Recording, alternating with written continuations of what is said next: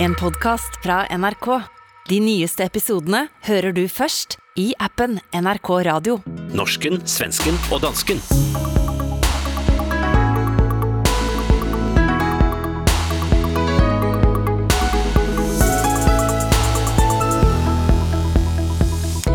Den elskværdige statsmann, tidligere norsk statsminister Kåre Willoch, døde denne uken. Musikvideo fra dansk TV2 fra 2013 har nå fået en helt anden betydning, og svenske Astrid Lindgren slutter aldrig at overraske.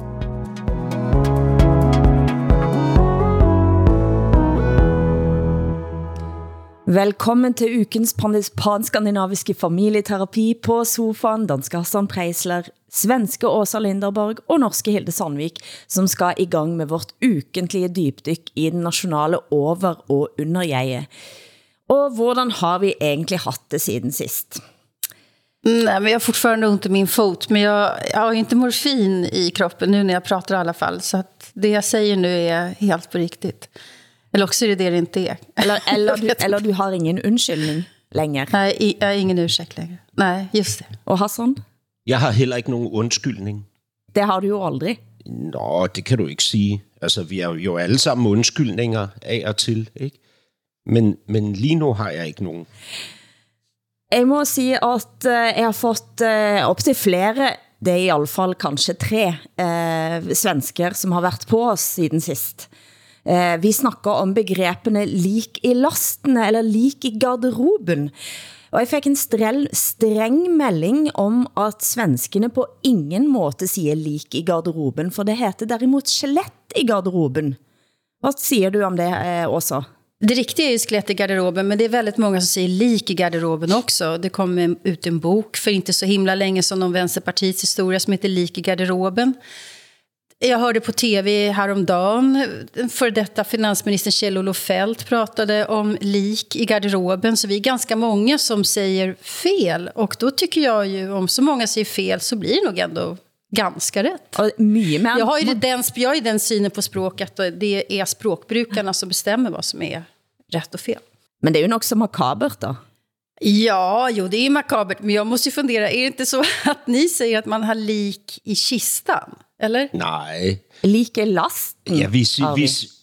Lik i last. Men- Jag men- mig att ni, ni säger lik i kistan. Jag tänkte, det är klart man har ett lik i kistan. Vad fan har man Nej, annars men- i kistan? men- man siger, Fantasilöst har jag tyckt. Nej. nej, man siger, at man sejler med lig i lasten. Ja, ja, ja. Eller, eller man kan sige, at man har skeletter i skabet. Og ved I, det er faktisk skeletter i skabet, at, øh, er faktisk et dansk øh, udtryk. Øh, Det kommer af dronning Karoline Mathilde, som var blevet sendt i landflygtighed som straf for sit forhold til Struense. Mm. Og så, fik hun en, så havde hun en affære med en lokal ung mand, og den her unge mand ville overraske øh, dronningen, mens hun var ude at rejse, så han gemte sig i hendes soveværelse. Men desværre så kom han til at gemme sig i et jalousiskab, som han så ikke kunne komme ud af igen. Så da dronning Karoline Mathilde vendte tilbage efter seks måneders rejse, så havde rotterne spist den unge mand, så der, kun, der var kun et skelet tilbage i skabet. Åh, oh, herlighed. Vilken historia. Men lige i garderoben, en garderobe, det er et omklædningsrum. Ja, eller, eller ett skåp där man förvarar sina kläder. Nå, okay. Eh, Så, så nej, men, nej, men jag håller ju med om att eh, skelett i garderoben är bättre. Men jag tycker det är en hårfin skillnad med lik och skelett faktiskt. Eh, altså, skelett Er det det? det på en måte, det har jo været der såpass længe, at man kanskje ikke har noget forhold til det længere.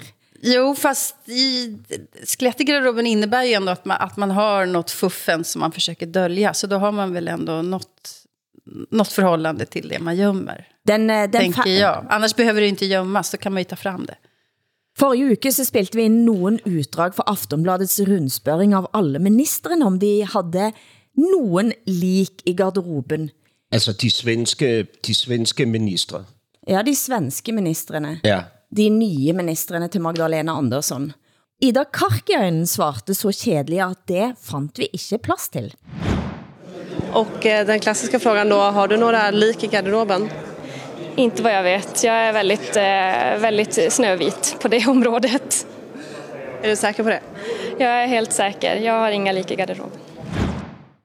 Den gang ej, Åsa. Hvad er det, som har kommet frem nu? Ja, det är alltså eh, civilminister Ida Karkiainen som vi tyckte svarade så tråkigt, trist. Eh, Så att vi inte ens tog upp henne. Ja, det som har kommit fram är att eh, hon kanske har heilat på en fest när hon var 15 år. Men det mener du at gøre en Hitler-hilsen? Var det hun gjorde på et fotografi som 15-åring? Alltså det är ingen som vet om det är det hon gör. Det ser möjligen ut som att det är det hon gör på, på bilden. Hon var alltså 15 år och var på fest. Eh, och då är det hö- högerpopulistiska nyheter idag som har i samarbete med Expressen släppt det här. Eh, och då är ju frågan, vem vågar bli politiker som någon gång har varit ung? Alla har ju gjort någonting dumt någon gång. Jag, eh, kan, vi kan ägna ett helt program åt vad jag gjorde för dumma grejer. var men Kan du sige Ska ting? diskvalificera en? Förlåt? lidt, gi nogen eksempler der også. Nej, jag, kan sjunga, jag kan sjunga låtar, visor här som, som inte passar sig i radio. Eh, när jag var organiserad i kommunistisk ungdom. Det här är ju någonting annat att eventuellt ha heilat på en fest. Det är någonting annat än att som 15-åring gå med i, i Bevara Sverige svenskt eller Sverigedemokrater, någonting som har en politisk kontext, man faktiskt har politisk ställning. Och då har det blivit eh, ja, ganska indignerat. Åh, vad, åh, vilken låg nivå det hålls i Sverige nu på debatten. Och så det håller jag med om. Samtidigt så är det ju medierna som trampar runt den här uppgiften och, och visar det här fotot också. Det går bara runt, runt, runt alltihopa hela tiden. Jag tycker det var låg nivå på det där så kallade avslöjandet. jeg, jeg er faktisk helt... Och det, spär, och det spär på eh, journalistföraktet, Ja, skulle jag jeg er helt uenig med dig, Åsa. Jeg, jeg mener, mm. at, at man skal gå så langt tilbage som overhovedet muligt. Øh, Jeg, jeg synes faktisk også, at man burde gå tilbage til børnehavetiden. Øh, Fordi der, mm. det afslører jo noget om et menneskes karakter, hvis det menneske som barn har slået et andet barn. Det er jo et, øh, det er jo et, et menneske med en, en indbygget voldskultur. Ikke? Og det skal vi have frem i lyset. Så vi må, vi må så langt tilbage som overhovedet muligt, øh, for ligesom at... Man kanske ska ta in föräldrarna också för, med den här idén om arvssynd och sådär. Absolut forældrene også, ja. Ja. En fjær kan bli til fem høns og i Danmark. Hassan, Ekstrabladet kunne forrige helg slå op videoavsløring. Mette Fredriksen uden mundbind på shoppetur. Jeg var lidt usikker på, da du sendte den lænken, om du mente det som mediekritik eller kritik av Mette Fredriksen. Jo, men uh, uh, ja, altså det... Mette Frederiksen er blevet filmet ind igennem et vindue i en butik, hvor hun befandt sig. Det ser ud som om, hun er den eneste kunde i butikken, og hun har ikke mundbind på. Og det er selvfølgelig uheldigt. Det er også forkert, så absolut. Men det er jo ikke en forside historie, det her. Og når Ekstrabladet samtidig er ude og kritiserer for øh, pe- og magtmisbrug og mobning, øh, når de definerer øh, centraladministrationen, altså Mette Frederiksens øh, højre hånd, den mest magtfulde embedsmand, øh, Barbara Bertelsen, som en mobber, ikke? så synes jeg, at det, at det har dobbelte standarder, det her. Ikke? Og, og i samme uge, så har øh, øh, chefredaktøren for, for Ekstrabladet har delt et, øh, et, en tegning, en satiretegning af chefredaktøren, øh, den, den chefredaktør fra BT, som har taget ferie fra sin position på grund af seksuelle overgreb i fortiden. Øh, der har Ekstrabladet for... Øh, ekstra, øh, det, ja, I kan godt høre, det er meget øh, kompliceret, det her. Ikke? Ja. Ja, men, det er men der, Ja, men der foregår også massiv mobning i den retning, ikke? hvor man deler øh, satiriske tegninger af, af, af, af en person nøgen. Ikke? Altså, det, jeg synes, det, så, altså, det, det bliver så infantilt, det hele. Ikke? Mm. Og, og mm. samtidig så, så, så er kritikken jo også berettiget, altså, når Barbara Bertelsen går ud og kommanderer rundt med folk på den måde, som hun gør i sine sms'er, så er det jo en utrolig gammeldags ledelsesstil, altså med, mm. med, altså, hvor, hvor hun anvender sig af sådan nogle øh, skræmmetekniske virke, virkemidler. Ikke? Men det, det er så gakket, det hele. Altså, det er jo børn, mm. ikke? Mm. Vi hade precis samma diskussion i Sverige för ett år sedan när Stefan Löfven, som då var statsminister, handlade eh, på en galleria i Stockholm. Han skulle köpa julklappar. Han gick in i, i en klockaffär, skulle kö köpa någonting till sin fru och sen så skulle han köpa en reservdel till sin rakapparat. Mm. Eh, och då visade det sig att de hade ju liksom gjort pl plats för honom. Det var inte alls så att han trängdes med några andra, men det blev ändå stor kritik. Och sen så kom nästa då påstående, han borde ha handlat på nätet istället. Och då svarar Stefan Löfven att jag har aldrig handlat någonting på nätet. Så han kände sig otroligt omodern men samtidigt också på något sätt väldigt rejäl. Och att han inte bara beställer en helt ny rakapparat utan att han dessutom ska laga sin gamla rakapparat. Det är liksom den gamla stammens män på något sätt. Som han blev retad för också då. Eh, men det, det håller låg nivå tycker jag. Du blev glad i uh, Löfven du då också? Jag ser det på dig. Både och. Nej, men alltså, ja, men jag tycker om honom, jag tyckte inte om hans politik överhuvudtaget. Men en av de store sakene i Norge sidste uken er at Kåre Willoch er død. Høyrepolitikeren blev 93 år og er nå hyllet både fra højre og venstre siden. Og du var ute tidlig med at kondolere også. Hvordan så du på Willoch? Ja, men jag tycker att det är överhuvudtaget intressant det där att gamla politiker får ett sånt skimmer över sig när de är pensionerade eller när de har dött. Mm. Att man blir så nostalgisk kring politiker som man tidigare inte har brytt sig om eller tyckt har varit helt åt helvete. Mm. Eh, det är alltid så att de politiker vi har just nu alltid är de sämsta politikerna. Men jag hade respekt för Kåre Willoch för jag uppfattar honom som liksom en rejäl eh, gentleman mm. som eh, var besjälad av av att i hans ögon göra rätt. Och sen håller jag väl inte med om allt som han gjorde naturligtvis. Men en, en, eh, ja, en hederlig politiker uppfattar jag honom som. Det ordet som har gått eh, oftest igen i nekrologene är älskvärdig. Eh, ja. og vi kan høre et utdrag for Dagsrevyens nekrolog om hvordan Kåre Willoch forandrer Norge på begyndelsen av 80-tallet. Først på 1980-tallet oppnår han drømmen han hadde som ung konservativ politiker om å forandre Norge. NRK-monopolet faller under hans regjering når kabel-TV og nærradio blir tillatt. Radio Oslo. Butikkene får ha lenger åpent, og det blir lettere å få banklån. For lett for mange. Jappetiden fører til tidenes bakrus og bankkrise. Men la meg få begynne med ja, hvis, jeg, hvis jeg nå kunne få snakke ja, litt før du kommer tilbake igjen. Men kanskje er det debattene med Gro Harlem Brundtland han vil bli mest husket for. Så er saken den at det er Høyre som er sterkt dominerende, og det er Willoch som er den borgerlige statsministerkandidat. Mente du det skulle være et skremsel?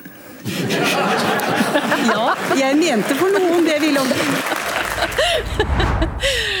Alltså, ni, har, ni är så söta i Norge när ni debatterar politik. Alltså, det, ni, är så, ni är så vänliga mot varandra, tycker jag.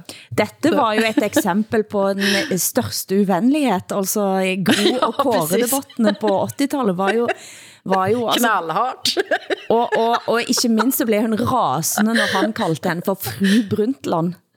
Ja. Fru Brundtland. Fru Brundtland, det, og, ja, det og man gjorde det, han gjorde det, så han, han snakker jo på den måten. Han hade Ja, en, precis. Eh, ja. Chevalesk. Ja. Han fick ju Willy Brandt-priset till exempel. Och det är ju det är en väldigt fin utmärkelse. Mm. Alltså, och, och visa på hans pragmatism mm. liksom, och storhet. Att ställa, ställa, sig, ställa frågorna över sig själv. Kristin Klemmet uh, i Civit har skrevet en uh, nekrolog, og der citerer hun Willoch ifra da han var 12 år. Uh, jamfør at gå tilbage til barnehagen, Hassan. Eh, når, da Willoch var 12 år, så skrev han følgende. Op gennem historien kan man stadig se, hvor vanskelig folk har for at se sammenhænger i det, som gjøres og i det, som sker.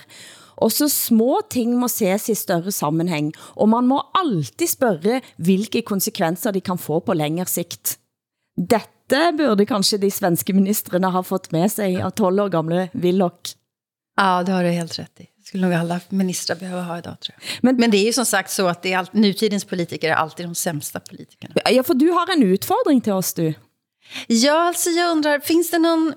Finns det någon politiker som ni har varit irriterade på eller förbannade på till och med genom åren och som förr i världen och som nu inte längre är politiker längre och som ni känner så här, men ja, den personen kan jag ändå respektera och kan jag ändå sakna. Och... Har ni någon sån? Hassan, har du tänkt, uh, tänkt på... Vill du någon gång kunna älska Mette Fredriksen? Ja, till exempel Hassan, du som i varje program återkommer till Mette Fredriksen. Kom, tror du att det kan komma en tid när du ändå känner att det var ändå bättre på Mette Fredriksens tid?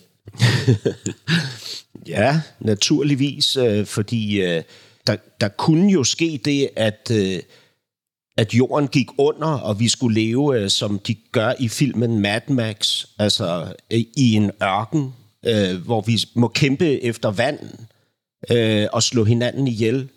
Og hvis vi befinder os i en sådan situation, så vil jeg tænke tilbage på tiden under Mette Frederiksen med, stor, med stort savn. Men har du nogle mellemting?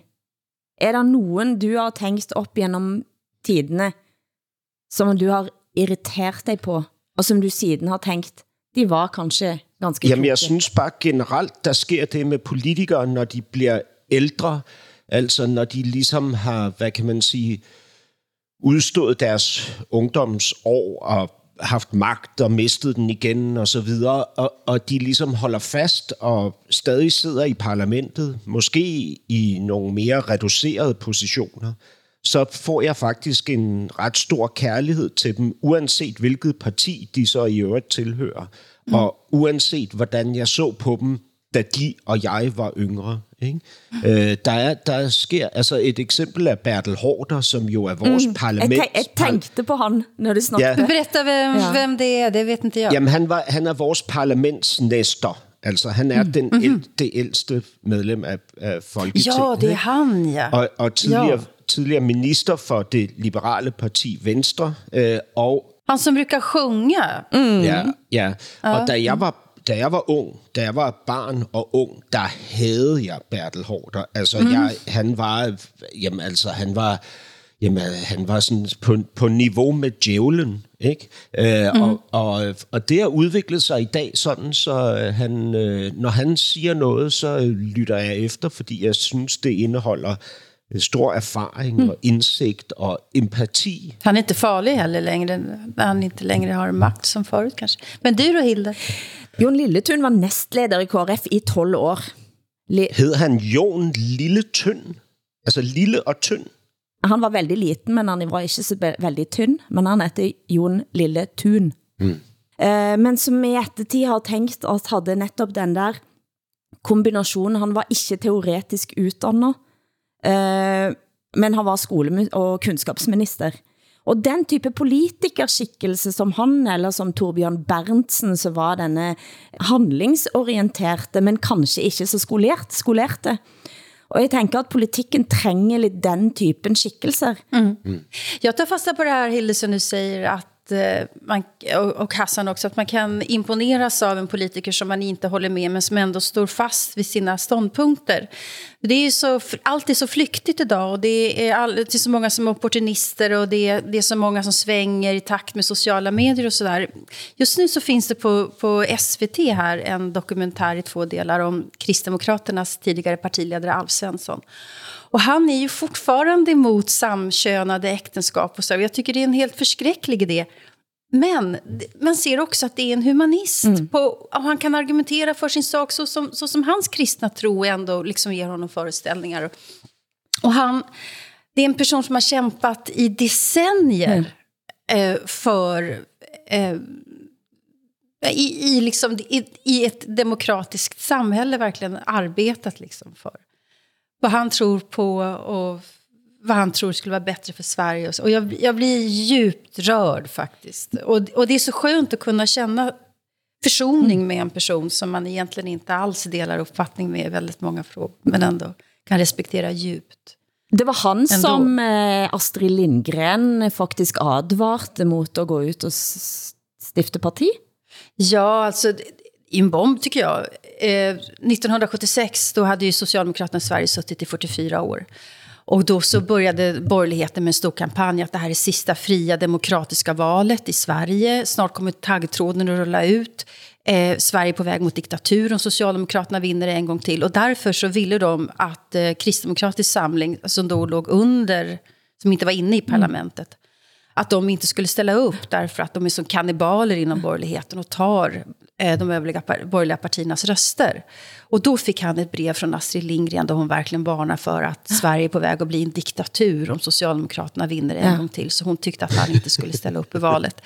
Eh, Sverige var ju urspårat redan 1976 kan man säga. En liten callback til Kåre Willoch der, kanskje det er søgt, men uh, Torbjørn Jagland skrev uh, til 80-årsdagen til, til Willoch, og da mente faktisk uh, Torbjørn Jagland, uh, hvis jeg husker ret, at Kåre Willoch berga Arbeiderpartiet, fordi han pusher Arbeiderpartiet ind mot en mindre formynderstat. Det er jo interessant. Visste det det? Ja, jeg synes, det er virkelig interessant, at Astrid Lindgren allerede i 70-tallet havde set, at i Norden, der vil diktaturet ikke komme fra det yderste højre eller det yderste venstre.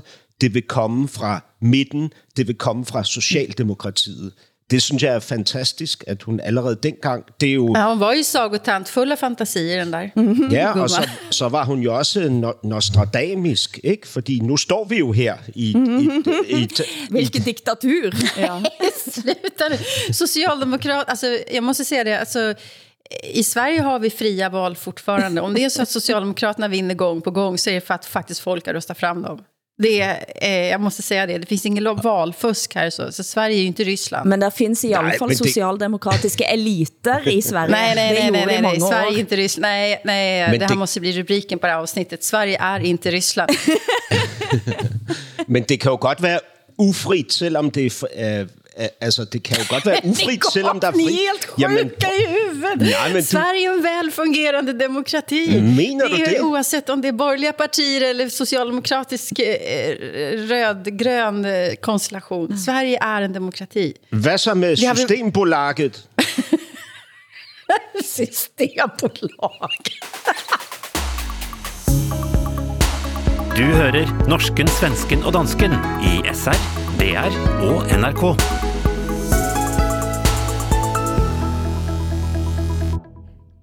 Men altså, nå, nå må vi faktisk videre. Eh, I forrige uke Åsa, så skrev du til mig, vi må snakke om Lucia-fejring. Du havde læst norske Ingvild Risøys lille roman Stargate, mm, som har en nydelig Lucia-fejring i sig. Mm. Hvad betyder Lucia i Sverige, må du først svare på?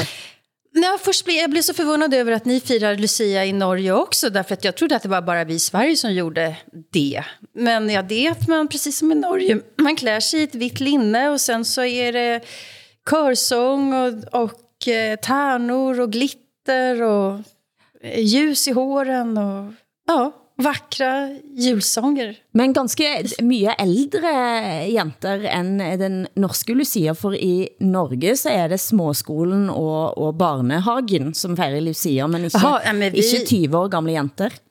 Nej, men det, det har vi. Vi är upp till kanske ja, 20-årsåldern så är det väl lucier mm. som... Men jag måste fråga dig, eh, Hilde, du som har så långt, blont, vackert hår och dessutom sjunger som en gudinna. Har du varit Lucia någon gång? Aldrig. Va? Aldrig været Lucia. Og, og nå kan, jeg læste i går en artikel med en svensk psykolog, som siger, at dette kan skabe traumer i folk. Så nu kände jeg på mit, mit indre traume. Ja, du ser, jeg klemte på ret um, umma punkt. Altså, hvad, hvad, hvad kan skabe traumer? Alt denne utvælgelsen, hvem som skal være Lucia og, og i det hele taget. Nå. Jag kan säga, jag som var rödhårig, jag kom ju aldrig på tal. Alltså, I Sverige vi har haft svarta lucior, vi har haft män som lucior, pojkar. Men aldrig Funktions, Funktionsvarierade, eller vad det heter. Rödhåriga, så normkreativa har vi ännu inte blivit att en rödhårig får bli Lucia. Nej. Kanske för att rödhåriga anses vara syndfulla. Lucia ska ju vara oskuldsfull, vit och myten om rödhåriga är ju att vi inte är det. Utan det är något... Eh, porrigt och sexuellt över rödhåriga. Folk är ju rädda för rödhåriga, så därför kan ju vi aldrig få bli den oskuldsfulla eh, Lucia. Nej, men Pippi blev heller aldrig Lucia. Det blev, ja, det har du rätt i. Men det, i Danmark, der, Hassan, eh, dere har, har dere Lucia-fejring særligt? Ja, absolut. Altså, men, men det er rigtigt. Ja, men det er, det er noget, som er forbeholdt børn. Altså, jeg har aldrig set et Lucia-optog med voksne kvinder. Øh, og på en eller anden yes. måde ville det virke meget komisk, øh, Altså hvis man ligesom tog det ind i voksenlivet.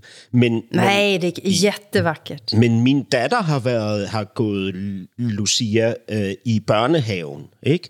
Og der græd jeg. Jeg var så bevæget over, at hun øh, gik der med sin hvide kjole, eller sit hvide lagen, eller hvad det er, og sin krans på hovedet, og det der lys i hånden, og så sang hun den der sang med sin spæde øh, barnestemme. Det fik mig til at græde.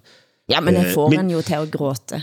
Men, men sådan er det med traditioner. Jeg, jeg, altså lige så snart en tradition rammer mig, ikke, så begynder jeg at græde. Øh, og, og, og det kan være hvad som helst. Altså for eksempel det her med, at, at Norge øh, leverer jo juletræer til Trafalgar Square i England hvert år.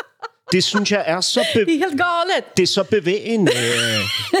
ja, det er så fint. Bortset fra, at, at man i år har man ikke leveret noget, man kunne kalde træ. Altså, det, det ligner mere en, en afpillet kvist, ikke?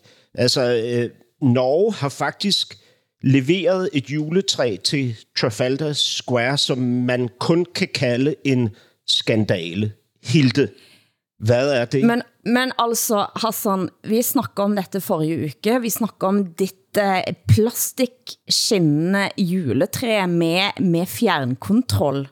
Altså. Just det. Eh, og dette i år, ja, det er helt sant, siden 1947 så har Norge levert eh, tre til Trafalgar Square. Og flere år så har britene rett og slett mobbet både tre og nordmænd. Men i 2019 så skrev altså Jens Frølich Holte, eh, som da var statssekretær i UD, han skrev debattindlæg i eh, en britisk avis. The Trafalgar Square Christmas tree is quintessentially Norwegian. Unlike artificial, og nu skal du høre, altså unlike artificial and glitzy trees, it is honest and unpretentious. Og så siger han, at dette, dette træ, som er altså innebærer disse norske kvalitetene av at være ærlig, så har dette træ brugt 80 år på at jobbe sig frem til at blive dette træ, som står mot eh, kritikken. Så her har du en lang historie, Hassan. Det er meget smukt, øh, og han har jo fuldstændig ret, øh, Hilde. Man kan ikke kalde det træ for et perfekt træ. Men alltså jag var tvungen att, googla upp det här. Eh, øh, det här träet är, det är liksom lika gammalt som drottning Elisabeth ungefär. Och det är med jättestor så här, eh, pompa och ståt som man hugger ner det där trädet. Jag läste att Storbritanniens Norge-ambassadör, Oslos borgmästare och Westminsters borgmästare är på plats när man hugger ner trädet Och sen fraktas det på båt. Och det här har man gjort 1947 för att norrmännen vill tacka Londonborna mm. för insatserna i kriget. Och så duger inte det där träet. Ja. Alltså så, så otroligt. Man kan väl inte, man kan väl inte, jag säger som eh, Astrid Lindgren, man kan väl inte klaga på en present, det är fisigt. Ja, det är så enig. Men du, Åsa, jeg må tilbage til Stargate. Eh, for den handler mm -hmm. jo ikke bare om Lucia, og, og jeg vet, du læste den, den er en liten, tynn roman, det er næsten som en lang novelle, det er Ingvild Risaus mm -hmm. første roman. Eh, mm. Hvad handler den om? Alltså, om, om man berättar om den så låter det ju som, som att man, man berättar en ganska platt saga. Det, det låter så löjligt. Men det är ju det är ju två systrar som har en pappa som är alkoholiserad och inte kan ta hand om sig. Så börjar flickorna sälja julgranar. Och det är, det är alltså so, social misär kan man ju säga. Och det är lite inspirerat av eh, eh Flickan med svaveltändstickorna, hos Andersens bok. Eh, det, alltså den här, det här är en bra bok därför att språket är så bra och därför att hon, är först, hon tar barnets perspektiv på, på ett sätt som... Hon har den blicken som få andra författare har faktiskt, tycker jag. Men det är ju en berättelse om pappor som, inte, som, som älskar sina barn och inte når riktigt ända fram. Och det finns så många pappor, framförallt i juletid, tänker jag. Julen är en sån otroligt besvärlig högtid för väldigt många barn som har dysfunktionella föräldrar. Alltså jag, jag, jag tänker på alla ungar som kommer att sitta på julafton och har föräldrar som har supit ner sig, som är sentimentala, som sitter och gråter, som blir våldsamma, som, som tycker synd om sig själva, som säger att de har glömt att köpa julklappar, de har inte hunnit, eh, de ska få julklapparna sen, det finns ingen mat, alltihopa det där. Det är så många barn som har det så.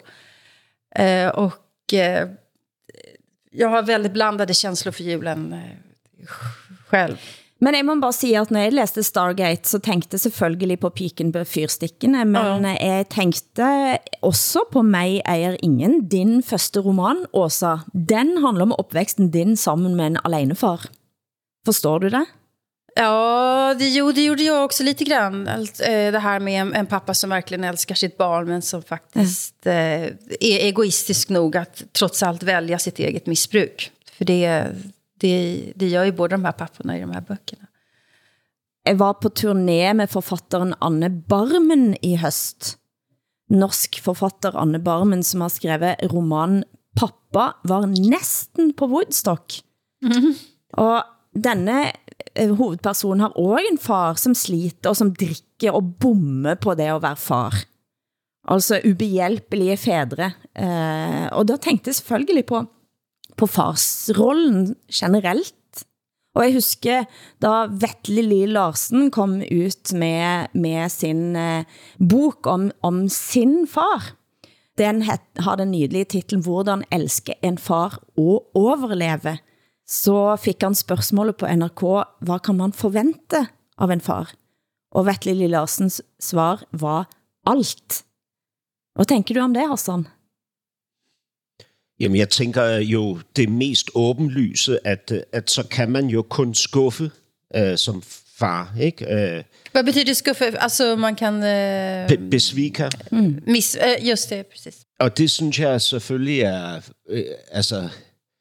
Ja, det, der er jo, øh, det, er jo en, det er jo en sær rolle, ikke? fordi den er, det, er jo en, det er jo en helterolle, øh, og så er det samtidig en, øh, en, en, altså en, skildringen af altså faderfiguren er jo en, en held, som aldrig vil lykkes med at være held. Ikke?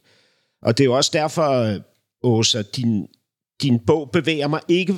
Vi behøver ikke at tale om din bog, men jeg, jeg har altså brug for at nævne, at din fars kampe er ekstremt bevægende for mig, fordi jeg forstår mm. så meget af, af det, han gerne vil, øh, som samtidig er det, han ikke kan. Fordi sådan er det for mig at være far øh, både til min 11-årige datter og fandme også til min 8 måneder gamle søn. Ikke? Mm. Øhm, altså, øh, jeg synes, det, det, altså det, det er jo et sindssygt hårdt projekt øh, at, at være far. Ikke? Og jeg synes ikke, det bliver mindre hårdt med tiden, der går, fordi naturligt så vokser faderrollen på den måde, at den får flere og flere aspekter øh, knyttet til sig. Ikke? Nu skal faderen også være mild og forstående og varm og feministisk og og hvad hedder det? I øvrigt, din far, øh, Åsa, din far har en, et fuldstændig fantastisk syn på øh, feminismen. Han, han, øh, han, spørger dig, øh, han spørger dig i bogen, så spørger han dig, er du feminist? Ikke? Og så siger øh, du, Åsa, som barn eller som ung, så siger du, ja, det er jeg vel, men jeg plejer ikke at kalde mig det. Er du feminist? Og så svarer din far, om jeg er feminist? Nej, fandme om jeg er. Din far havde intet mod ligestilling, sagde han. Han var bare så forbandet træt af kvindejammer. De kan rende mig i røven med alt deres snak om, at det kun er kvinder, der har taget sig af hjem og børn. Hvem har ikke gjort det? Og det havde din far jo netop, ikke? Og han fattede ikke, hvad de mente med, at kvinden var underkuet. Hans kone var gået fra ham. Den næste kvinde tog til Mallorca og kom hjem med en Alphonse, ikke? Han var den, hvem var den underliggende part her, spurgte han, ikke? Jeg synes, det er fantastisk. Altså, jeg elsker ham for det afsnit. jag kan tro det. Nej, men det är svårt att vara det är svårt att vara mamma också. Det tror jag Hilda också tycker. Det är svårt att vara förälder helt enkelt. Det är svårt att vara vuxen och svårt att ansvara för andra människor och sådär. Men, men visst har papparollen förändrats väldigt mycket. Och, eh, och hur kan man prata om det utan att det låter så att man inte tycker att det är, de här förändringarna är bra och viktiga? Men det, det... För det är, de, det är de ju. Alltså, kvinnan har, kan inte längre monopolisera barnet. Kvinnan kan inte heller längre eh, anses ha hela ansvaret för barnet. Utan nu ska vi göra det här jämlikt. Nu ska vi dela på, på den här uppfordringen, den här uppgiften. Och det är klart att det är, att det är jobbigt. För, för, även för kvinnan att släppa från sig ansvar eh, skulle jeg sige, at det er for mange. Men det er derfor jeg blir så glad, når jeg ser, at der er stadig flere romaner, som netop eh, det, at man alltid skuffer. og jeg mener jo faktisk, at det er gennem skuffelsen, at man kan bli moden og modne som menneske. Og jeg tænker, at som forældre, så er vi alt for redde for at skuffe våre barn. Mm. Og, og et, hvis jeg får lov til at læse et lite utdrag fra Anne Barmen sin pappa var næsten på Woodstock, så skriver hun, Han er faren, som sang humpetitten for mig så mange ganger jeg ville. Han er faren, som kom pludselig blev rasende, hvis jeg krangler ved middagsbordet og kunne la være at snakke til mig i dagvis etterpå. Han er faren, som pludselig snudde og lovede at ta mig med i dyreparken i Kristiansand, og som ikke havde råd likevel når sommeren kom. Han er faren, som pynter håret mitt i 17. maj en gang. Han børster så forsigtig, livredd for at lugge mig, lager han musefletter lett, lett, lett. Han er faren som sjangler på åtteårsdagen min, faren som lærte mig H7 på gitar, så jeg kunne spille halleluja. Han er faren som bar mig ut i sofaen, da jeg havde omgangssyke, så vi kunne se Norge rundt i lag. Han er faren jeg sakner, faren jeg ikke orker, faren jeg hater, og faren jeg er lik. Og det er jo da en far som på mange måter, han, han er både det ene og det andre. Han er varm, og han er nær, og så er han også, men han har også et stort misbruk da. Mm. Og svigte gang etter gang. Visst. Mm. Og jeg bliver glad for at læse denne typen skildringer. Ja, hon är jättebra Risa. Norsken, svensken og dansken med Hilde Sandvik, Åsa Linderborg og Hassan Preisler.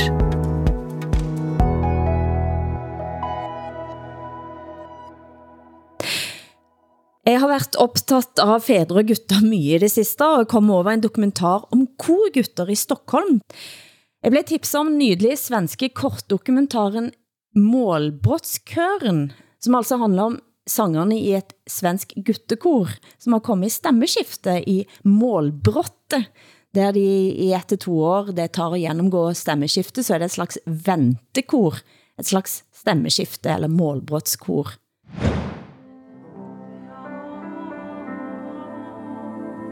Det känns som att man förlorar någonting när man kommer in i målbrottet. För att man liksom tappar det här att kunna sjunga de ljusaste tonerna. Och jag ser inte fram emot det. Jag tycker om att alltid kunna vara sopran.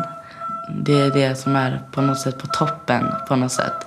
Och man går ner och ner och man vill inte det. För man känner som att man tappar någonting, man tappar sin ljusa röst och man vill inte förlora det. Men man får ju någonting nytt egentligen men det känns som att någonting tas ifrån en.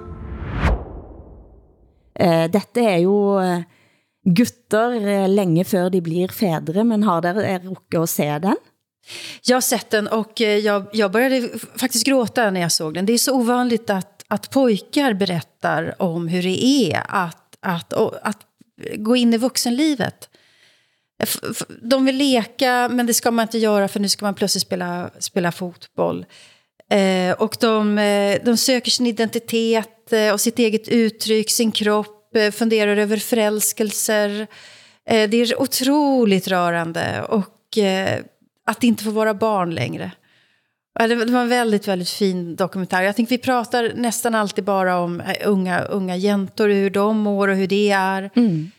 Och sen så kommer de, de här pojkarna och berättar om, om ett väldigt stort förtroende för, för kameran. Det var en väldigt fin, väldigt fin film. Har du sett det, Hassan? Ja, jeg har set den, og jeg, jeg må sige, jeg, jeg forstår godt, hvorfor man bliver bevæget over den her film. Og samtidig så havde jeg det sådan, da jeg så den, at jeg følte, at de her drenge var, var frygtelig groomet. Altså sådan pæne, fine, lette, næsten sfæriske. Ikke? Og jeg tænkte sådan, hvor, hvor er de her drenges vildskab henne? Hvor deres... Øh, hvor alt det, der sådan er, er brutalt og ukontrollerbart og sådan noget, hvor er det henne i deres eksistens? Ikke? Alt er ligesom sådan pakket ind i de her øh, stemmer, der skal udvikle sig fra at være drengestemmer til at være mandestemmer. Ikke? Men, men hele... Men, oh, men, fortsæt.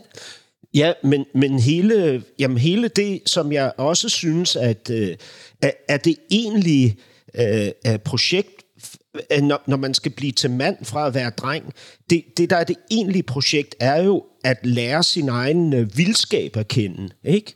Øh, og skulle forholde sig til den. Hele det projekt mangler fra den her film, og jeg savner det så meget, at jeg ikke kan beskrive det. Ikke?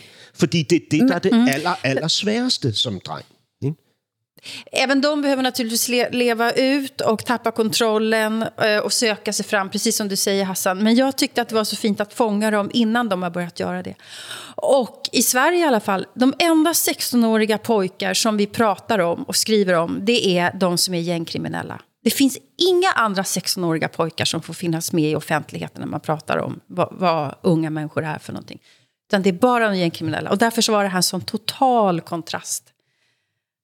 Jag, jag, jag tyckte det var, det var så fina de här. Men jag är ju jag är väldigt förtjust i tonårspojkar. Altså, ja. jeg, jeg, sad, jeg, sad med en frygtelig, jeg sad med en frygtelig fornemmelse af, at for hver af de her drenge kommer det til at gå galt på et tidspunkt. Fordi der er noget, de ikke øh, bliver tilladt at udleve. Og jeg siger ikke øh, tilladt øh, af instruktøren eller deres forældre, men tilladt af kulturen. Ikke? Der, der er sådan en, en dyne af forsigtighed, pænhed, sådan en, noget, noget sfærisk, som jeg sagde før. Ikke? Altså noget, der er så tyndt og let, ikke? at, øh, at, at jamen, hvordan, hvordan skal man kunne eksistere som menneske inde i det? Ikke? Altså på et eller andet tidspunkt, så må det der... Øh, den der glasboble, man er i, må jo splindres og falde fra hinanden. Fast du, du... Og der kan, jeg frygte, der kan jeg frygte, hvordan det kommer til udtryk. Ikke? Fast de är ju inra estetiskt inramade i den här körmusiken men den har de ju inte omkring sig hela tiden. Utan de pratar ju sen om... De vill leka, men de får inte det. Utan de ska plötsligt idrotta istället och prestera och tävla och bli manliga och alltihopa det där. Det gör de ju utanför körsången. På en eller anden måde føler jeg lidt sådan, at du presenterer også et lidt sådan stereotypt en måde at være gut på.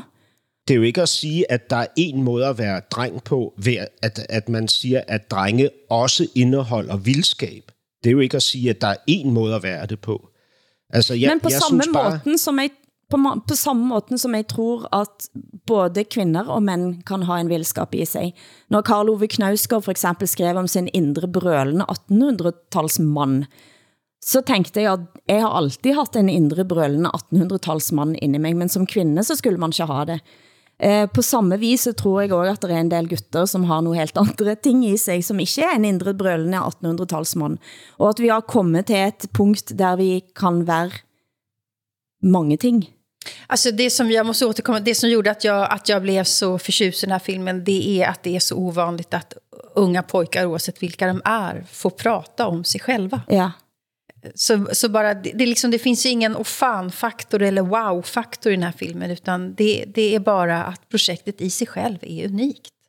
Som gör att jag blir så glad. Men Hassan, synes du det, det var, var du ubekvämt at, at, at tale om? Eller? Ja, Ja, altså jeg, jeg får det sådan øh, i, for, i relation til maskuliniteten, ikke? At i, i relation til det at udvikle sig fra at være dreng til at være mand. At jeg tænker, at vi i vores nationer øh, øh, øh, indkapsler maskuliniteten, øh, det, det udtryk, den kunne få, øh, og, og, og alt det, den kunne indeholde, i en form for, hvad kan man sige, pænhed. Ikke? Og den pænhed falder på et tidspunkt. Og når den falder, så bliver det brutalt. Ikke? Fordi lige pludselig så, kommer man, øh, så skal man komme ud med sine drifter, sine lyster, sine, det, det man ligesom føler, man indeholder, øh, på en måde, man ikke har lært. Ikke? Og når man ikke har lært det, så bliver det tosset. Altså, så kommer det ud, øh, som vi oplever igen og igen i den her tid i vores nationer, ikke? Som, øh, som sexisme, som... Øh, øh, hvad hedder det, krænkelse over for kvinder, øh, som magtmisbrug. Ikke? Og der er, jo, der, altså, der er jo, i mine øjne, så er der intet maskulint i at bedrive sexisme og i at bedrive magtmisbrug. Det er det modsatte af maskulinitet i mine øjne. Ikke? Men hvordan helvede skal man kunne forholde sig til sig selv, hvis alting skal kapsles ind i sådan en form for pænhed, ikke? Sådan en form for poetisk pænhed hele tiden. Men dette, dette er jo et godt tema, som, som jeg, har, vi har sveipet innom nogle gange også. Altså, at man ikke snakker ordentligt om, om, om masku, maskulinitet. Og det var jo faktisk udgangspunktet for en bevægelse, som vi ikke snakkede om forrige uke. Eh, nemlig en avholdsbevægelse, der unge gutter gør oprør mot onani og porno. For mig er dette en måte at udfordre mig selv på, og blive en lidt bedre person, det sa altså 18-årige Jack Chen fra Oslo til Aftenposten.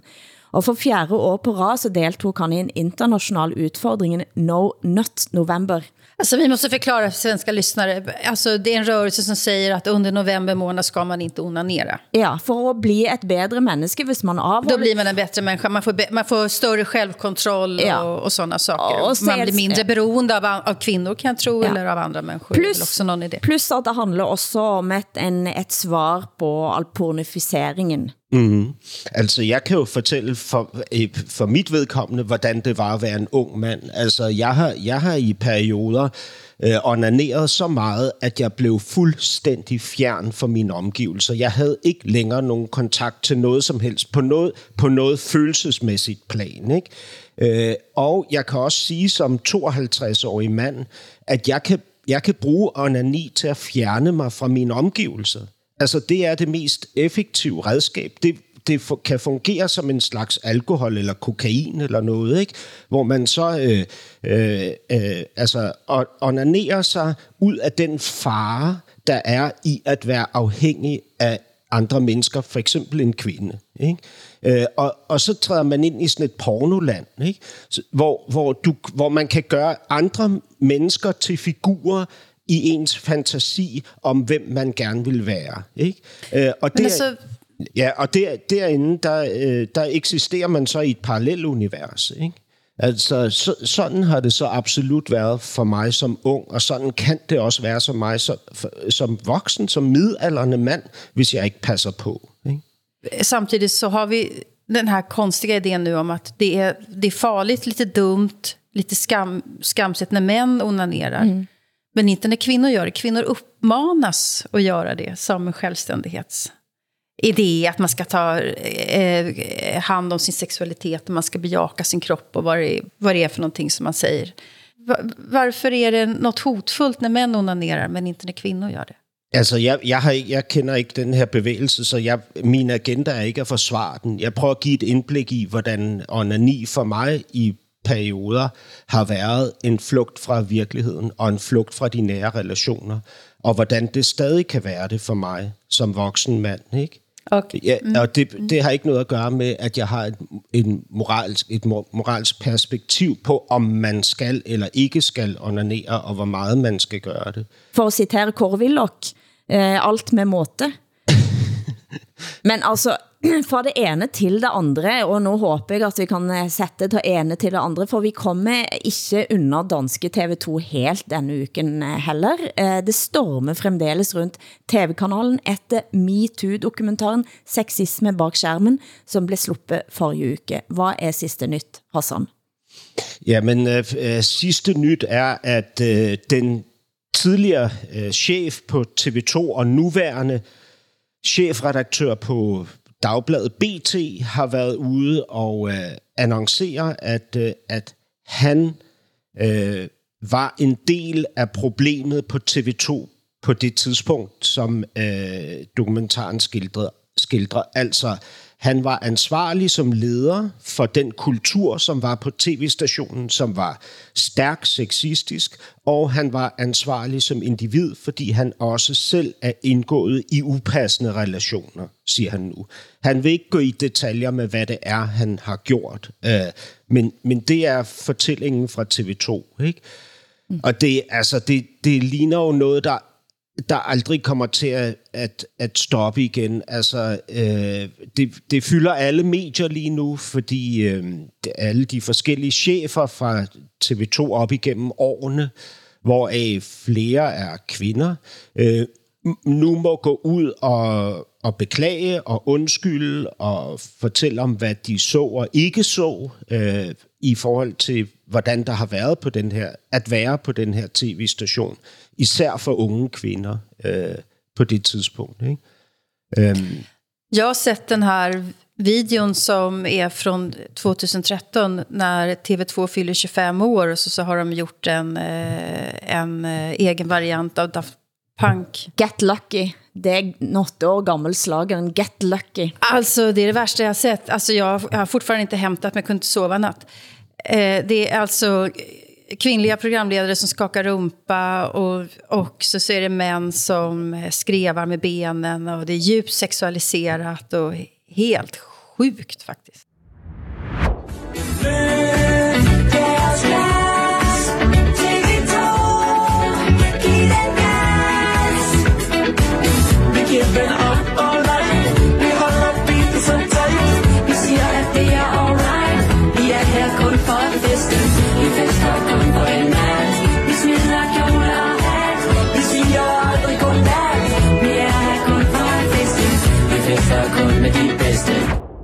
Vi er her, her kun for at feste.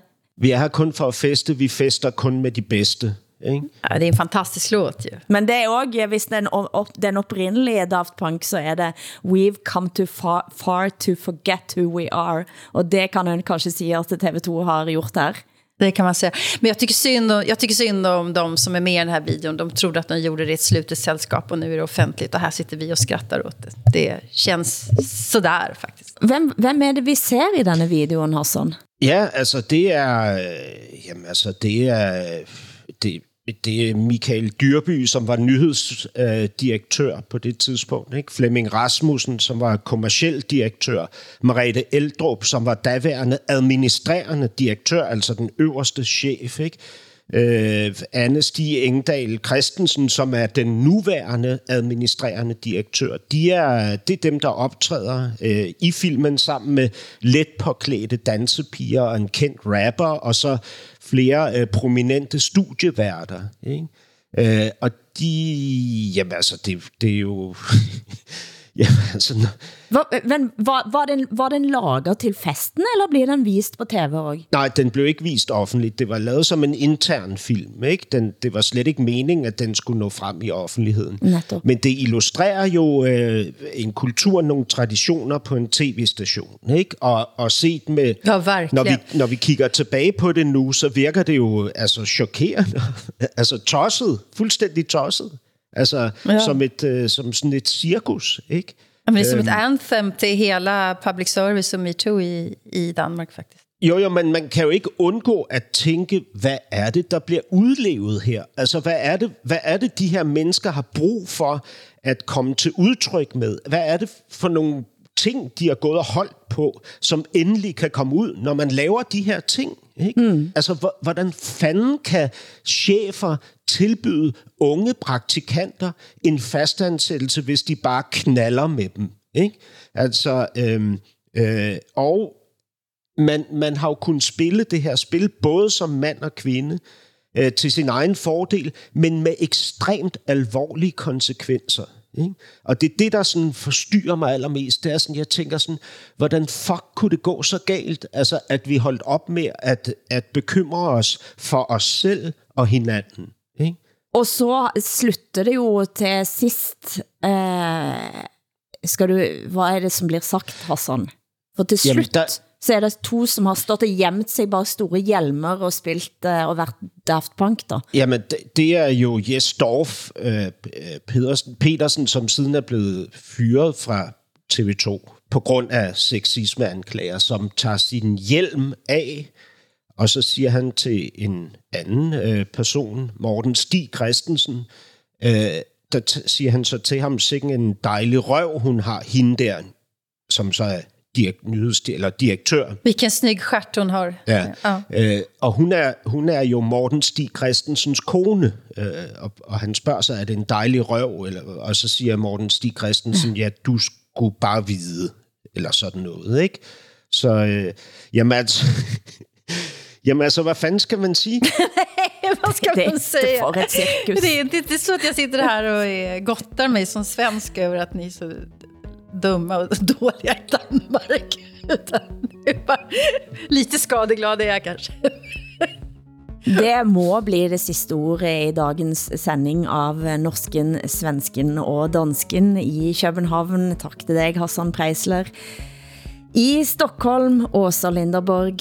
Mitt navn er Hilde Sandvik. Dette programmet er produceret av Broen XYZ for NRK, SR og DR, og redaktør for programmet er Ole Jan Larsen. Som att rita figurer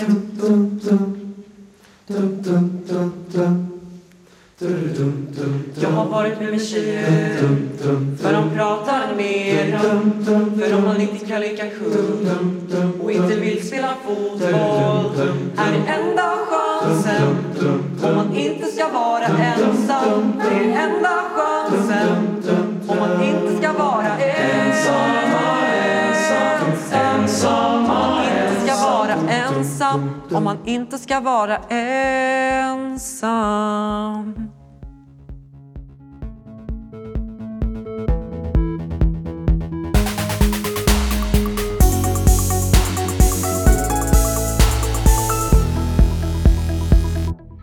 Du har hørt en podcast fra NRK. De nyeste episodene og alle radiokanalene hører du i appen NRK Radio.